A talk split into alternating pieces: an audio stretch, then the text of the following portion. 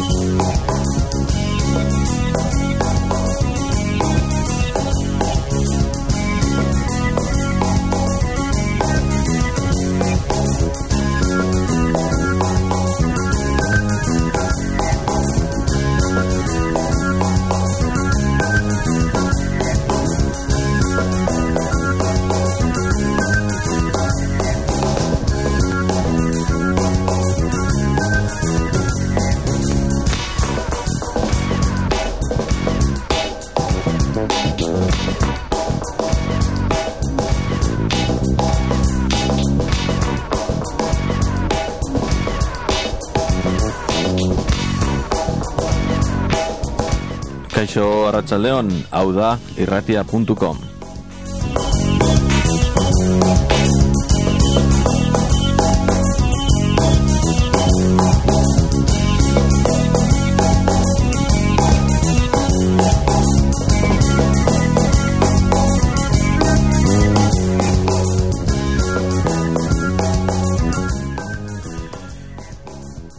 Disko eta liburu artean egindako saioa izango da. Musika eta literatura euskal kulturaren sorkuntza nagusi gaur gaurko emankizun digital honetan.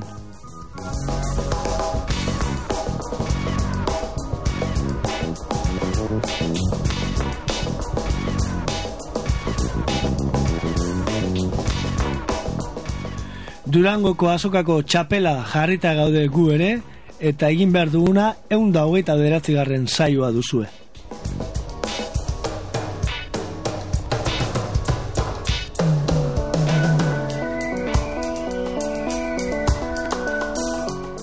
Beti bezala gai digitalak, gizarte digitala, baina baita ere literatura gaiak saiatuko gara sartzen eta nola ez musikari buruzko aktualidadea.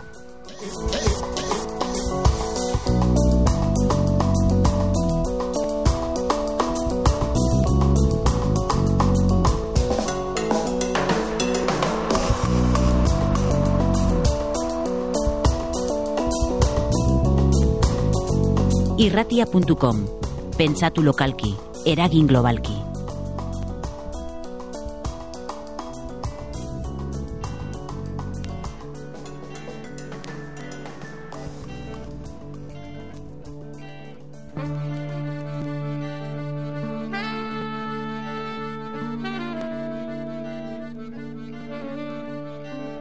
Gogo eta gorputzaren zilboresteak Bikate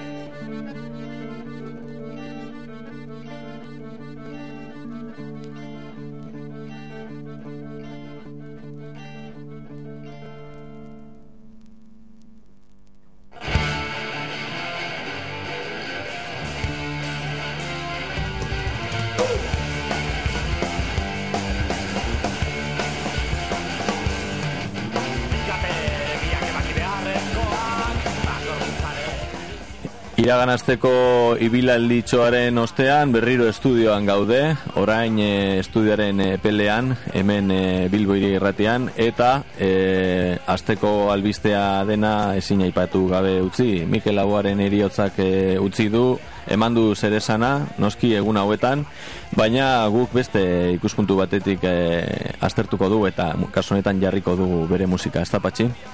Hori da, horretarako gaurkoan, disko zahar bat ekarri dugu aspaldikoa, Cherokee diskoa Euskal Rock taldeek Mikel Aboari egindako omenaldia. Entuten duzuen kantua Bapen Bikate.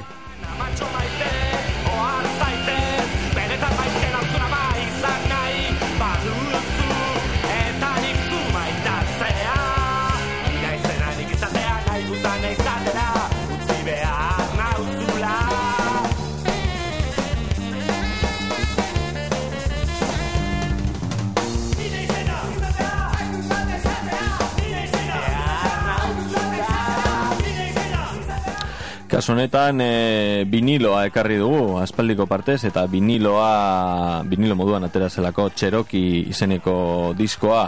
Disko honetan biltzen zuten e, laro geta pikoan ezak ze urtetan izan zen zehazki baina e, hainbat orduan e, punta-puntakoak ziren e, hainbat euskal taldek ba, danak e, Mikel Aguaren bersioak e, biltzen zituzten. Eta kasu honetan bapen eskutik bikate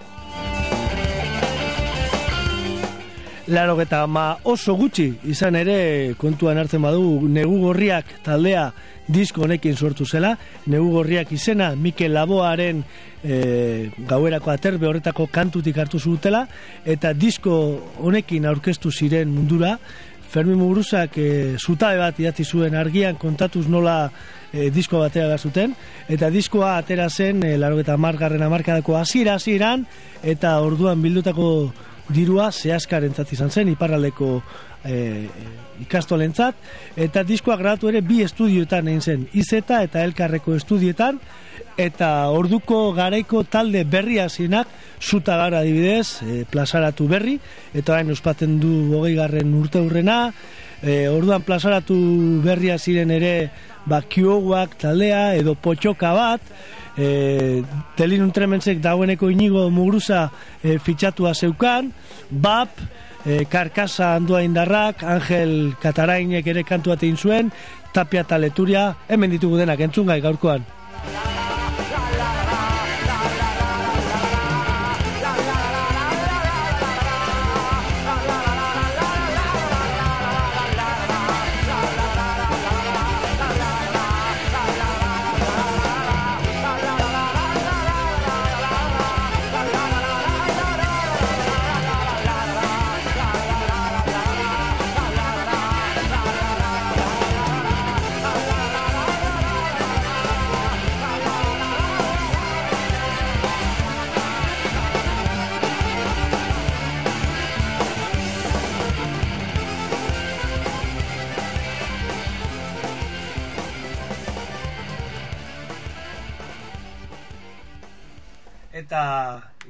Entzutekoa da oso, ez? Bikate diogu, baina bikate honetan ustartzen dira lehena eta oraina, ez?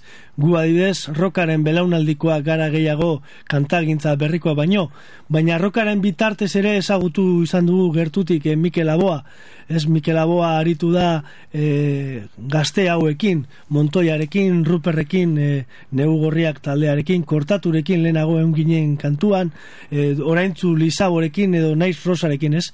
Bikate hoiek lehena eta oraina musika eta hizkuntza bikate hoiek Euskal Herria eta kultura ustartzen dira eta alde horretatik izan da e, Mikel Agua eredu bat guztiontzat, ez da, Javi? Bai, bueno, e, argi dago rock radikalaren belaunaldiak e, arbuiatu egin zuela aurreko kantaldien e, rollo hori eta kantagintza tradizionaletik abiatuta sortu zen e, korronte berri hori ez dokamairu ordurako e, zaharkitua eta arbuiagarri iruditzen zitzaien Euskal Rock Radikaleko gazteei Baina Mikel Laboa nolabet salbatu egiten zen horretatik bere jarrera abanguardista ba, dela abanguardista guztiz zelako ez da e, ba, lekeitioekin eta erakusten zuen bezala ba, zeukalako ba, beste ikuspegi bat. Eta horrek konektatu zuen asko e, gazteekin. Eta Mikelen eragina, ba, noski, bai txeroki disko honetan e, argita garbi ikusten da, baina bai zuk ere aipatu duzun e, e, neu gorriak ensorrean, bertan e, hasierako diskoan bazegoen gaberako aterpearen e, berzio bat, gero bazegoen e, talde bat, ere bikate izenekoa, argi eta garbi ikusten da, Mikel Laboak ukiduen e, eragina, e, onerako, ba, euskal taldeen eta talde horiek e, nola mirestu egin duten. Eta orain, Bilbotik bastango basterrak ezagutzea joango gara. Delirium tremens nutrikoarekin. Lekorik ezagun maite ez natoren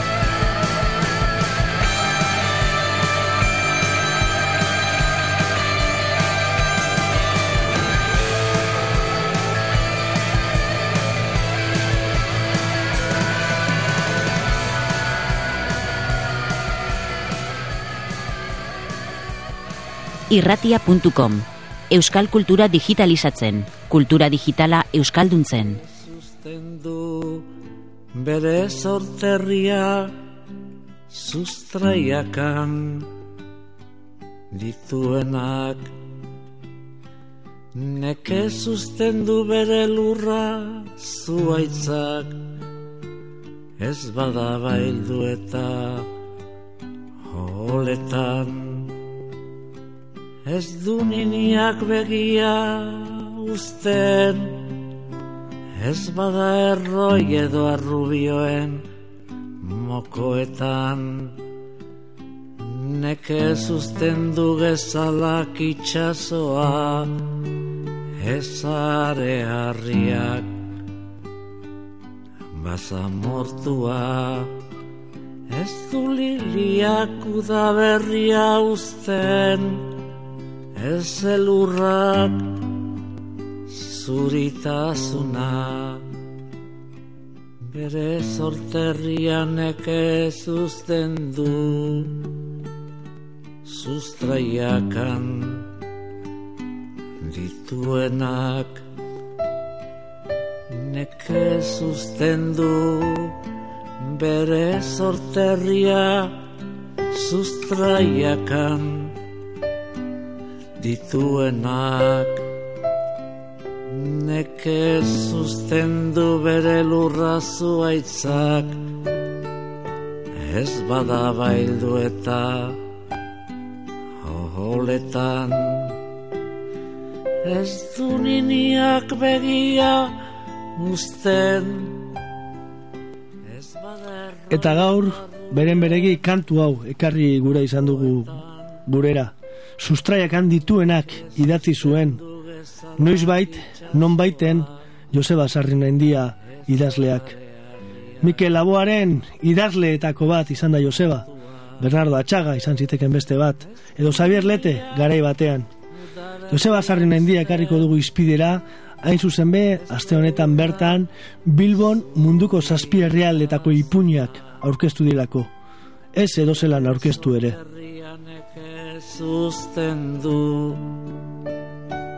sustraiakan. Bai, atzo Pamiela argitaletxeak e, argitaratu zuen, e, aurkeztu zuen e, liburua aurkezteko, ba, ume batzuk e, etorri ziren, eta ez e, edonolako umeak. Badakizue Bilbo multikultural honetan, badirela hainbat eh, aur euskaldun jatorri atzerritarrekoak. Mohamed Elkadi, Sara Aksai, Nadir Bugula eta Ayub Elaziu izan ziren Bilbon atzo gurekin, atxuriko eskolako beste berrogei bat umeekin batera, eta beste beste onelako testuak irakurri zizkiguten.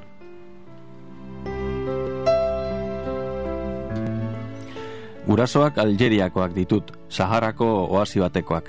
Ni jaio baino hiru hilabete lehenago heldu ziren, Bilbora. Eta haiekin ni, amaren sabelean sei hilabete nituela. Etxean hango historioak entzun ditut beti, Euskal Herrikoak baino gehiago. Euskaraz kontatuko dizkizuek, jeharenak, aitaren berzioan. Gure amak esaten duenez, eskua ematen baldin badiozu gero atzamarrak kontatu behar, horietakoa zen jeha. Ez da gutxienez. Hala ere, aitak umorez begirunez eta maitasunez kontatzen ditu haren istorioak.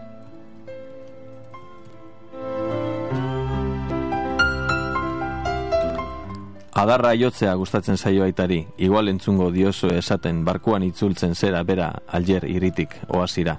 Gezurra, nire ustez. Ez astorik, ez gamelurik ere ez zuen eta barkua izango zuen.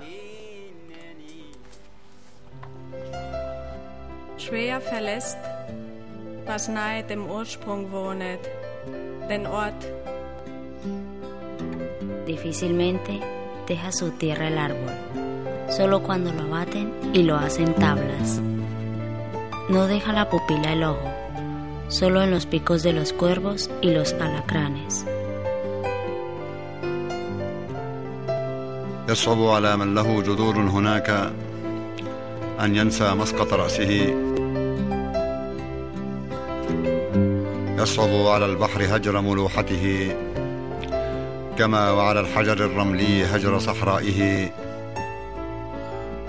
Schwer verlässt, was nahe dem Ursprung wohnet, den Ort. Дуже важко залишає свою батьківщину той. Квітка не може лишитись весни, а також сніг не може лишитись. Zazpi herrialdetako ipuñak batu ditu Joseba Sarrinendiak. Zize Larraldek kontatu dio bat, Diego Armando Peruarrak beste bat, edo Silbiak, edo Mohamed Tagiget, edo Samuk, edo Marijenek, edo Margaretek. Zazpi ipuin munduko zazpi herrialdetakoak. Guri euskeraz, Joseba Sarrinendiak kontatuak.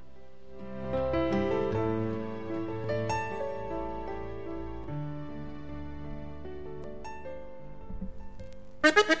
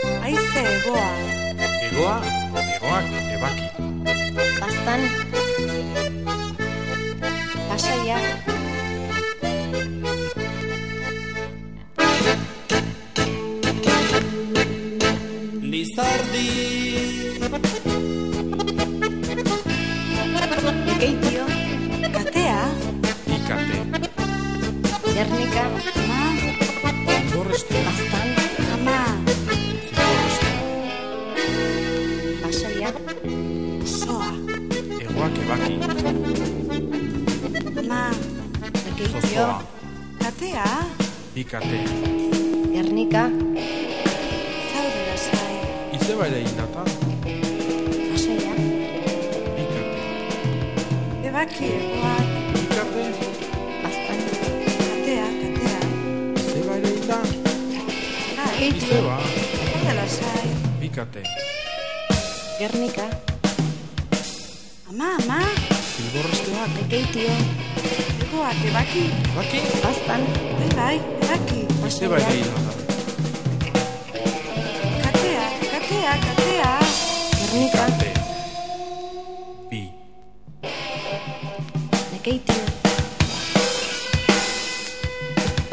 Bastan. Zaude lasai. Zure lasai, Zera ere da. ama, Basaia. Gernika. katea. Egoak, ebaki. Katea, Bastan. Ebaki. bikate. Ekeitio.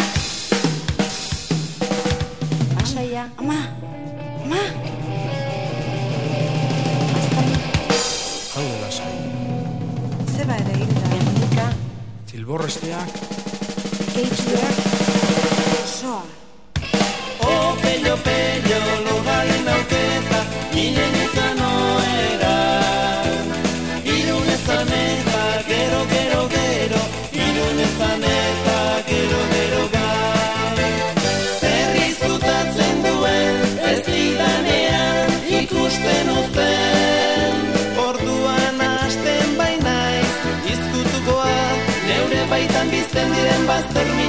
Miresgarriak ikusten. Goizuetan bada gizon bat, deritzen zaio trabuko. Azitzeko akorruzten ditut bisem eta hiru alaba, jaunzerukuak adidezala, bere amaren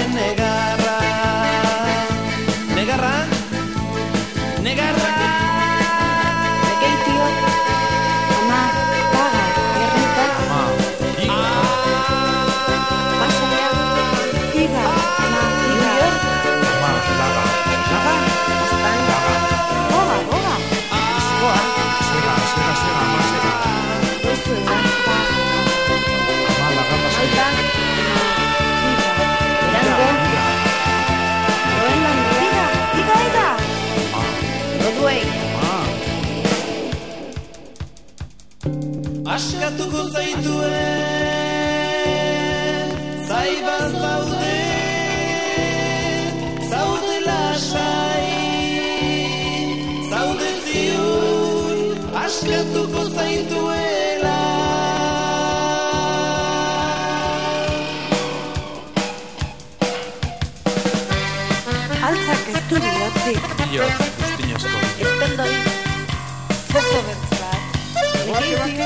Eta entzuten duen, entzuten dugun triki remix hau, Joseba Tapia eta Xavier Leturiak gazteago zirenean egindako kantua da.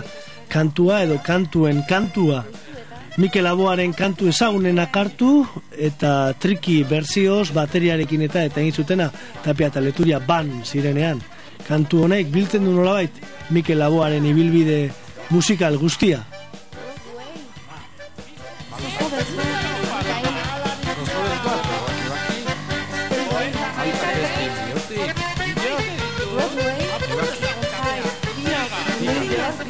Bihotz. Bai,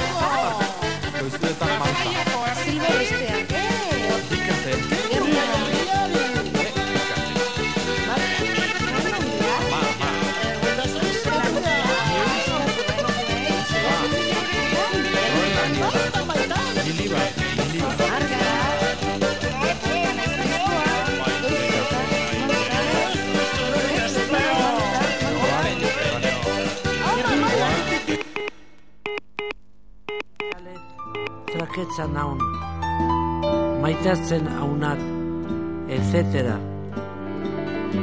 Negu espedetan, etc.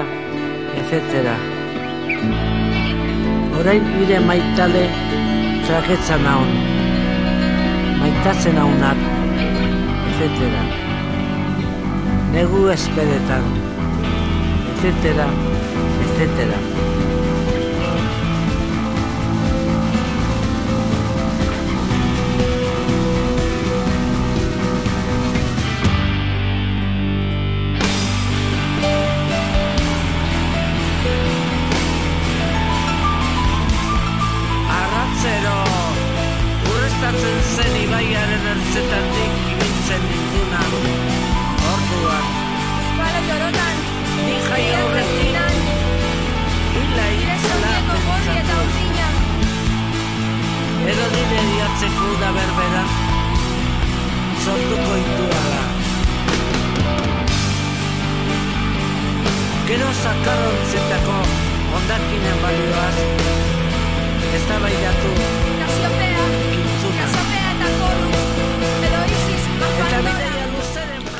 Zein entuten dugu, Javi? Lizago ala Mikel Aboa, zer dau?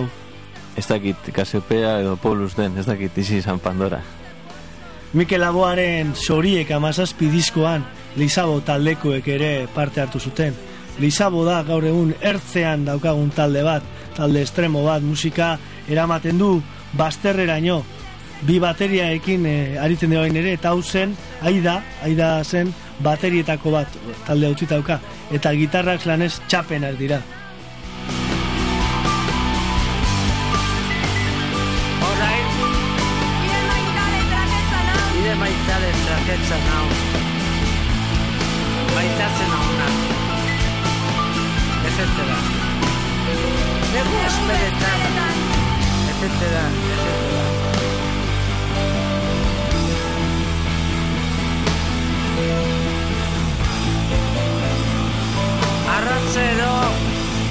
Urreztatzen zen ibaiaren ertzetatik.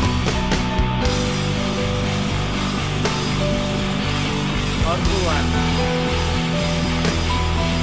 Ni jai aurretik, hila intzela pentsatuz.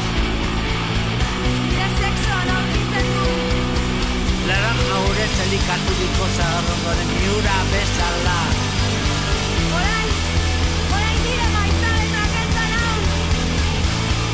Eta bidaia luzeren probetxoari buruz. Eta bidaia luze bat egin du orain arte Durangoko azokak. Aurten berriro noski e, Durangon, ba, Euskal Buru eta Diskoen e, azoka. Eta durangoko azoka.comen espero dugu, ba, bueno, ba, biltzea aurtengo gauza berri guztiak badakizue goratzen duzue Durangoko azokaren e, webgunea historikoki e, hor egon zela liburu markatu, soaitz batekin horre E, eta duela urte bat edo bi e, ja berriztu egin zuten eta sortu zuten ba, bueno, web dinamiko bat e, katalogoarekin e, blog eta albistearekin eta bueno, ba, hor ba, e, aktualidadea bilduz ez da hainbat e, gauza berri nola ez aurten ere bai diskoei dagokienez e, bai liburuei dagokienez eta ez dakigu gauza berri askorik egongo dan e, oraindik eh, oso ondo gatzatuta ez dagoen eh, eremu digitaldeko arlo horretan, ezta? Eremu digitala gerota gehiago eremu domestikoa da, etxetik, lanetik, bulegotik ari gara, eta zaila da ere horrelako merkatu handi batean e, zozelan ikusteaz. Egon dira hor zaiakera batzuk, e, ba, gune batzuk eta postu batzuk jartzea. Baina, bueno, presentzia euki dauka urte osoan zehar, ez? Kontua da, Durango kasokan merkatu handi bat dela, eta merkatuak e, manifestu ezagun batek esaten duen bezala elkarrizketak dira eta Durangoko azoka baliatzen dugu ba aspalditik ikusi ez ditugunak e, agurtzeko e, musikariak, sortzaileak, editoreak, lagunak, kirolariak, e, kontzertuak ere badaude e, Durangoko azokaren e, aitzakian, e, kamiseta geruzi ditugu eta manifestuak sinatu. Urtean behineko Facebook bat, ezta? Hori e, irakurri dugu zarean eta behar bada artikulu horretan e, sartuko gara beren beregi Durangoko azoka eta Facebooken arteko lotura polita egiten duelako Joseba Kamio gure lagunak.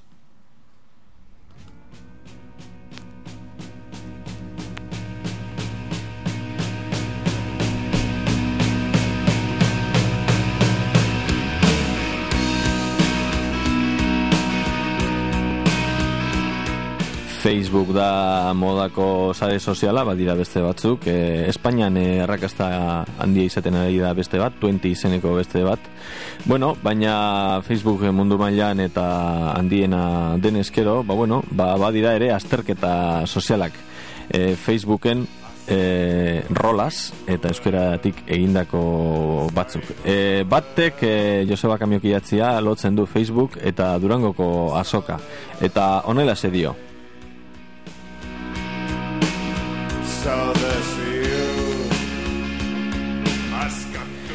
Urtero bezala azokara joango naiz eta urtero bezala azoka bigarren mailako bihurtuko zait edo hirugarren mailako juergak ere izaten baitu bere lekua eta ez txikia.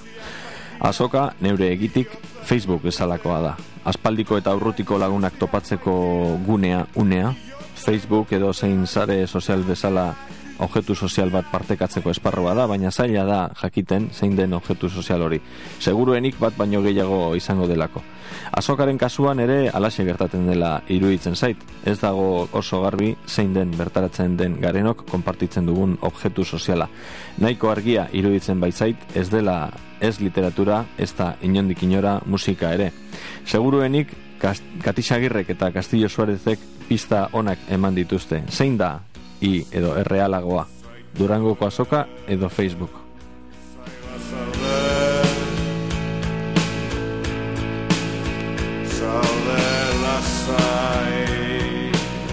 Eta zein da zure iritzia, bukatzen du Josebak. neureegitik.wordpress.com edo zure iritzia utzi dezakezu Facebooken bertan, edo irratia.comeko pitakoran, edo gura duzun lekuan. Eta bitartean, ba esan, han, durangoko azokan geratuko garela. Kateak itxusiak baitira Iotzaren gorputzean Kateak itxusiak baitira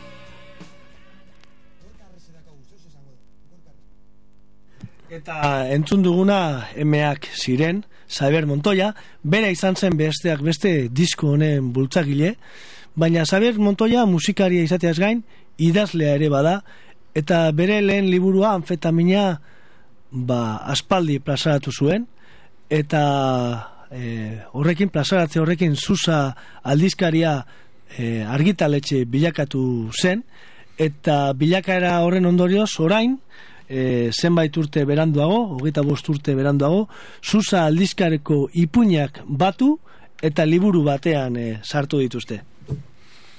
Eta liburu honen hasieran, mitzaurrean, Mikel Edorzak eh, dionez, eh, niretzak ira, niretzat irakurle sale, liburua makutoko oiko bizilagon neukala, literatura ardizkariak deskubrimentu handia izan ziren. Biziak ziren, lotxagabeak, ausartak eta batez ere hurbilekoak. Artikuluak, ipuinak, poemak, testu motzak, kolas, kalifikatzen zailak, neurrian norberaren momentura egokitzeko modukoa zen, eta gertutasuna handia. Eta zergatik ez, esan, agitazio kutsua ere baserien. Idazleentzat eskailera moduko bat ziren literatura aldizkariak. Liburutara igotzeko zurubia.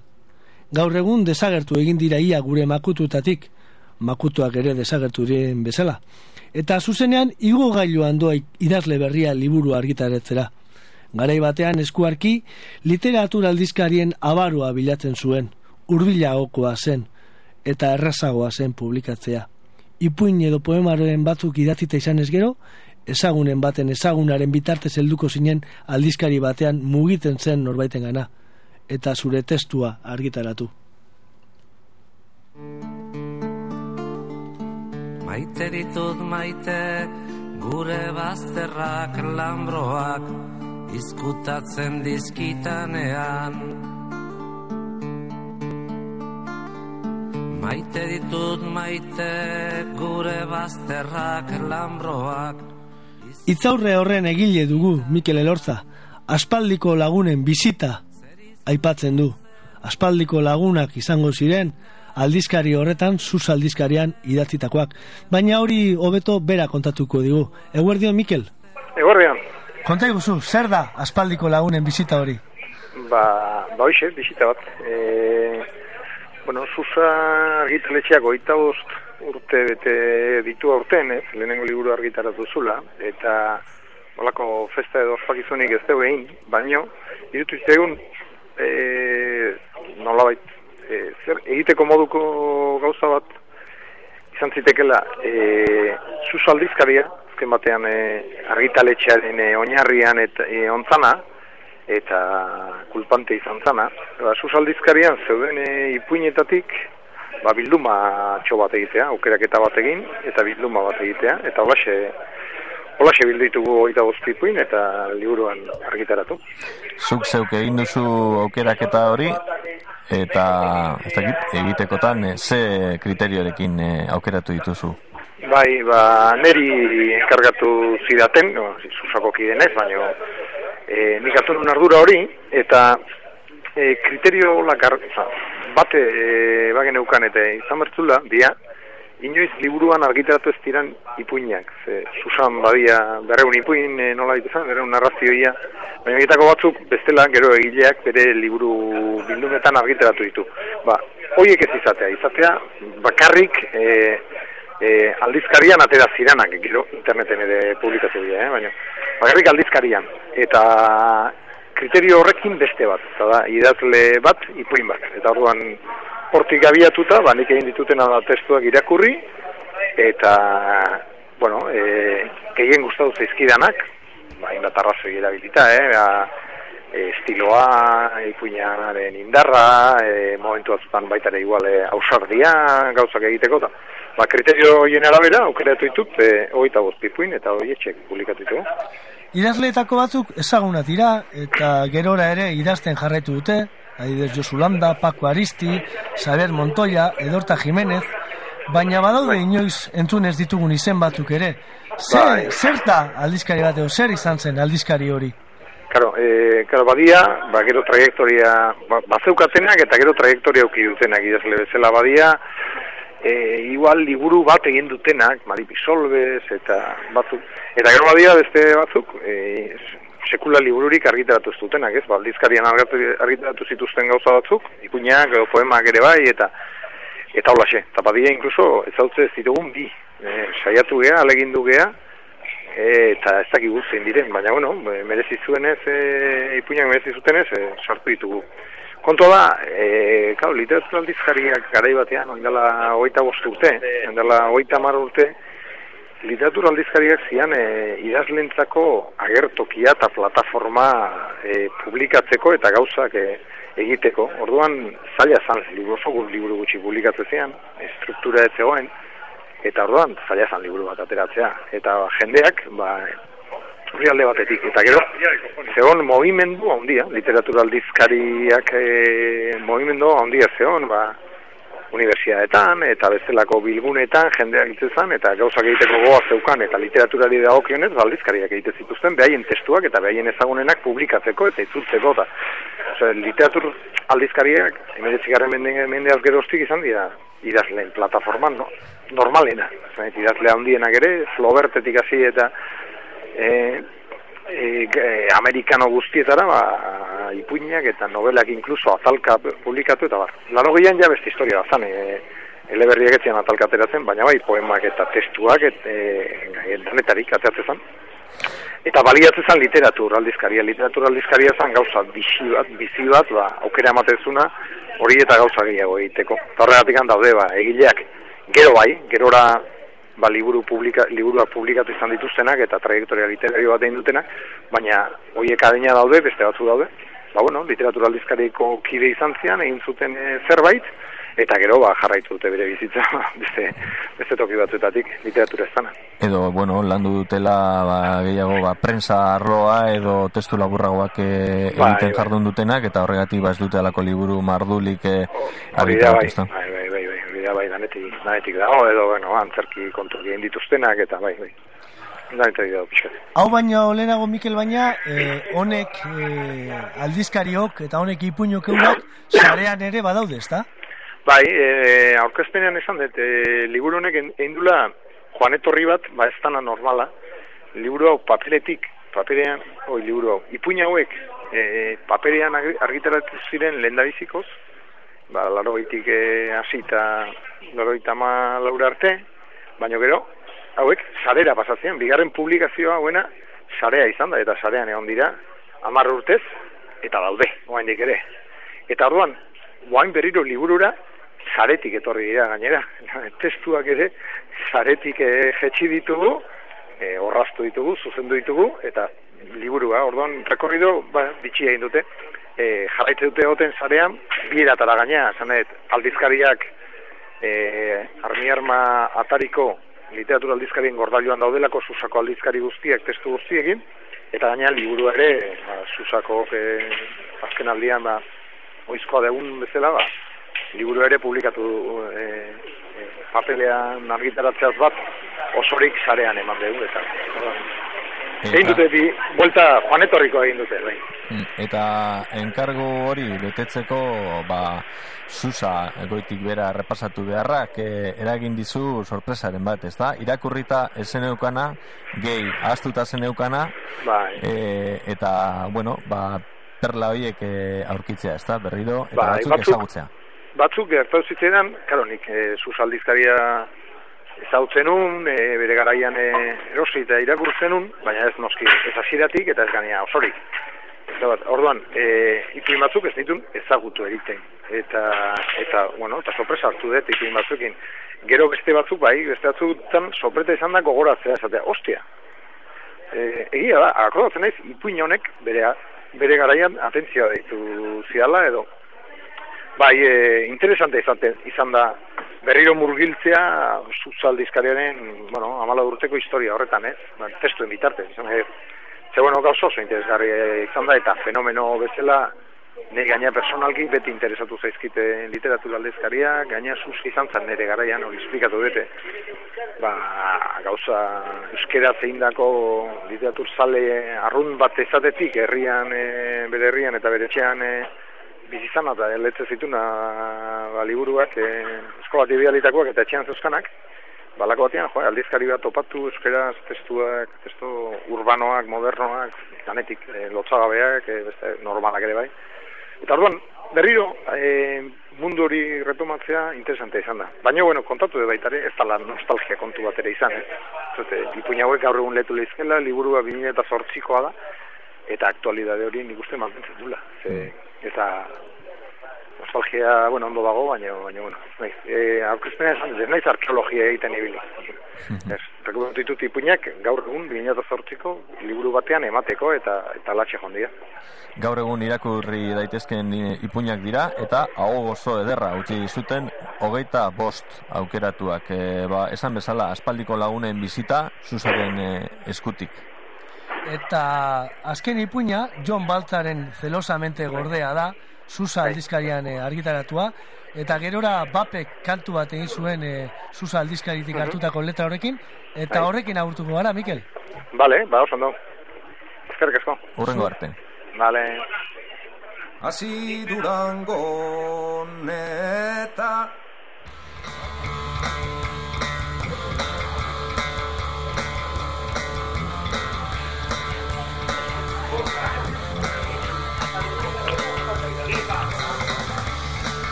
zelosamente gordea John Baltzak idatzi zuen, emeretzigarren Susan, mila bederatzi ireun da eta zeiko azaroan.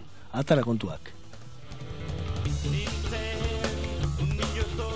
Eta WebQuest moduko bat planteatuz, e, nik animatu nahi zaituztet, e, e, kontakizun osoa topatzera, ze kantua entzuna, entzunda, ondori estetu daiteke gauza bat, baina amaiera bitxia du kontakizunak. Hori, Susan aurkituko duzue.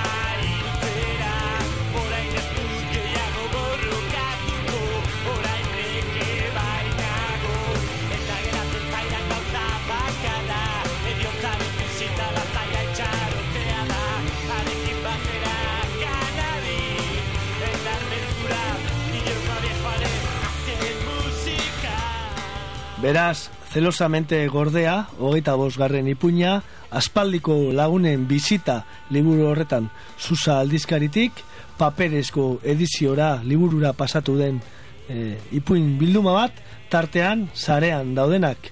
Zarean dago ere liburua osorik susaliteratura.com gunean.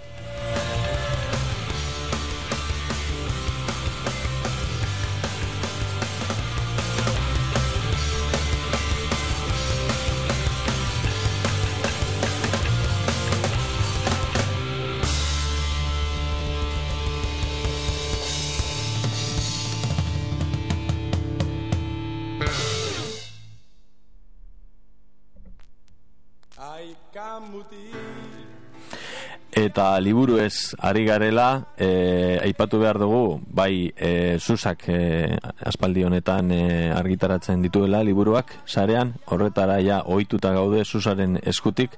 E, hainbat e, liburu inkluso ba, argitaratu berri ba, interneten ere argitaratuak.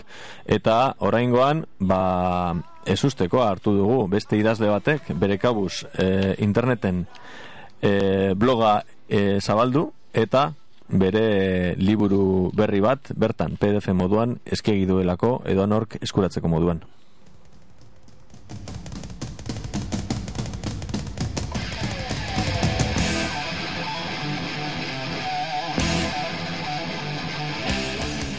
Badakizue iaz, Zabera Murizak dinosauruak horizontean novela kaleatu zire, zuela, joan ziren izeneko atal bat izango da, hainbat novela izango dituena bere baitan, autoedizioz atera zuen Zabera Murizak, eta orain, orain ezin naiz hil kaleratu berri du, baina kalare, kaleratzeko zarea baleatu du.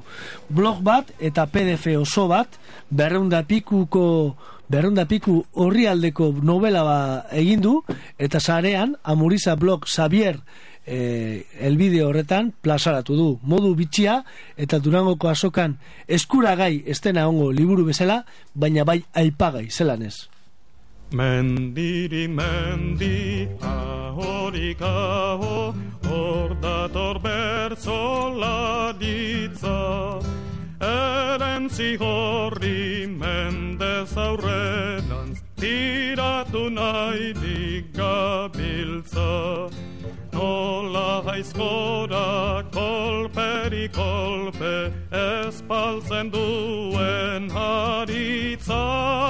Ala da edo, ala behar du Bertsolari Osorik hautziz, osorik bilduz Euskal Herriko bizitza. Euskal Herriko bizitza. Hor duzue beraz, sarean, Amuriza blog Xavier, eman da zabaltzazu, doan nahi baduzue, borondate baten laguntzaz, merezigarri iruditzen bazaizue. Behar bada, not jakin, baliteke mecenas handi bat agertzea esanez, joño, ilusio horixe bez, babesteak ze ondorio dakarrean probatu behar diat. Mecenas txiki mordo bat ere ez letorke txarko. Ez dut itxaroten, baina behar dut itxaropena. Inspirazio apur bat dudano, ez nuke itxaropenik ere behar. Baina inspirazioa ez baita egoera permanentea kemena ere behar da eta horretarako nahita nahi eskua nigan behintzat aldarte basiko bat, euforia puntu bat.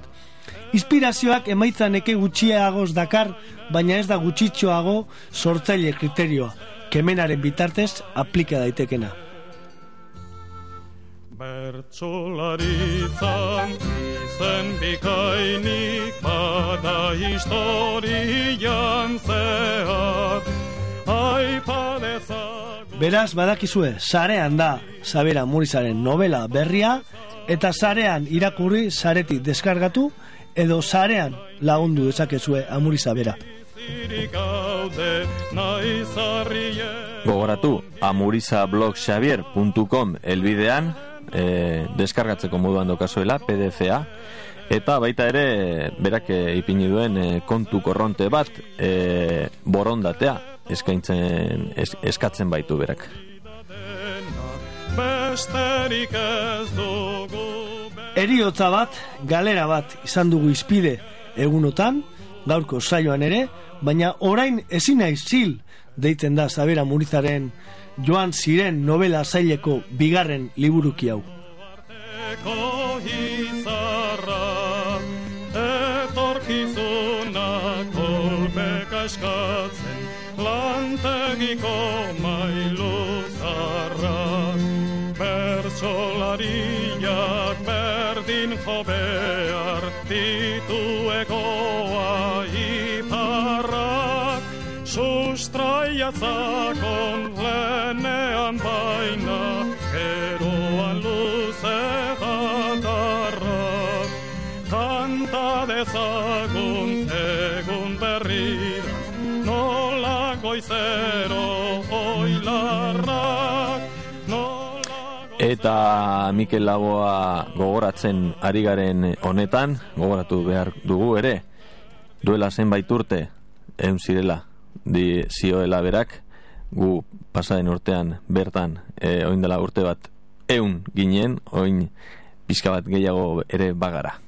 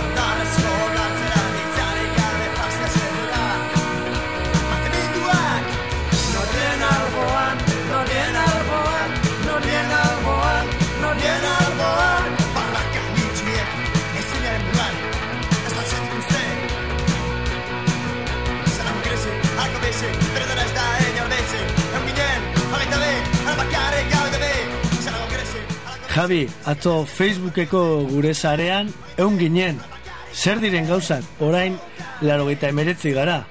Bi aragian, hogeita bi, eta azkenean berriro zutane.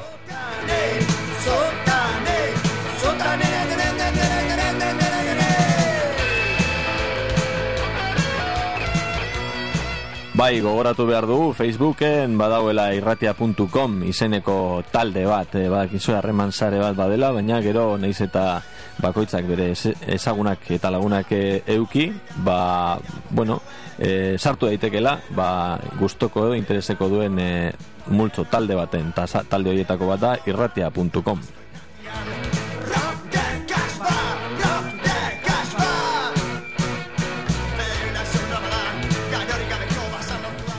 Eta Damasko irratitik entuten dugu eun ginen kantu hau. Kortatu dira, beraien lehen disko osoa euskera zein zutena, kolpez kolpe, kantua emeakena da, lehenago kantatua, eta entuten duguna hotzoietako bat Mikel Aboa da. Testua, aipatzekoa, Mikel Antzarena da. Idazle hau ere, eta lehen aipatu dugun liburuan ipuin bat sartu duena.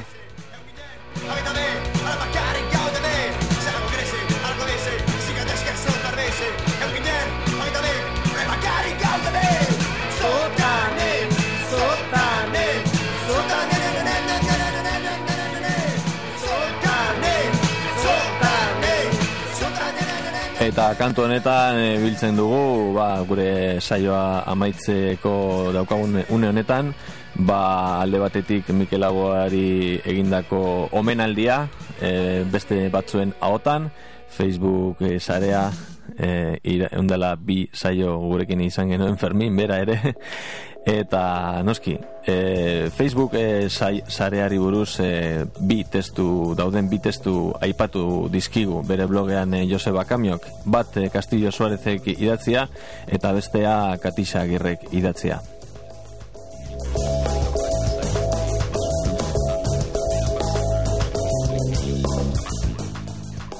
irratia.com Euskal kultura digitalizatzen, kultura digitala euskalduntzen.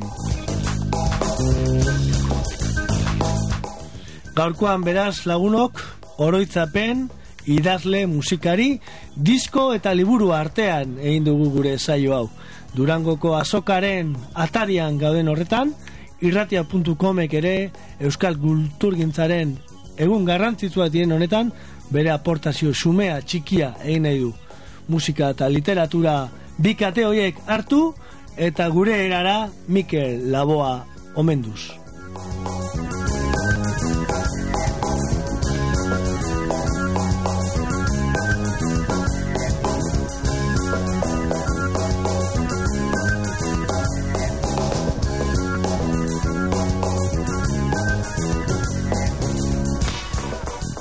Eta honen bestez gaurko geneukan denbora agortu egin zaigu. Badakizue datorren astean hemen izango garela eta bitartzea- bitartean irratia.com entzun dezakezuela, zuen eramangarrian, zuen gailuan, nahi duzuen lekuan irratia.com eta hainbat euskal irratitan ere entzun gai.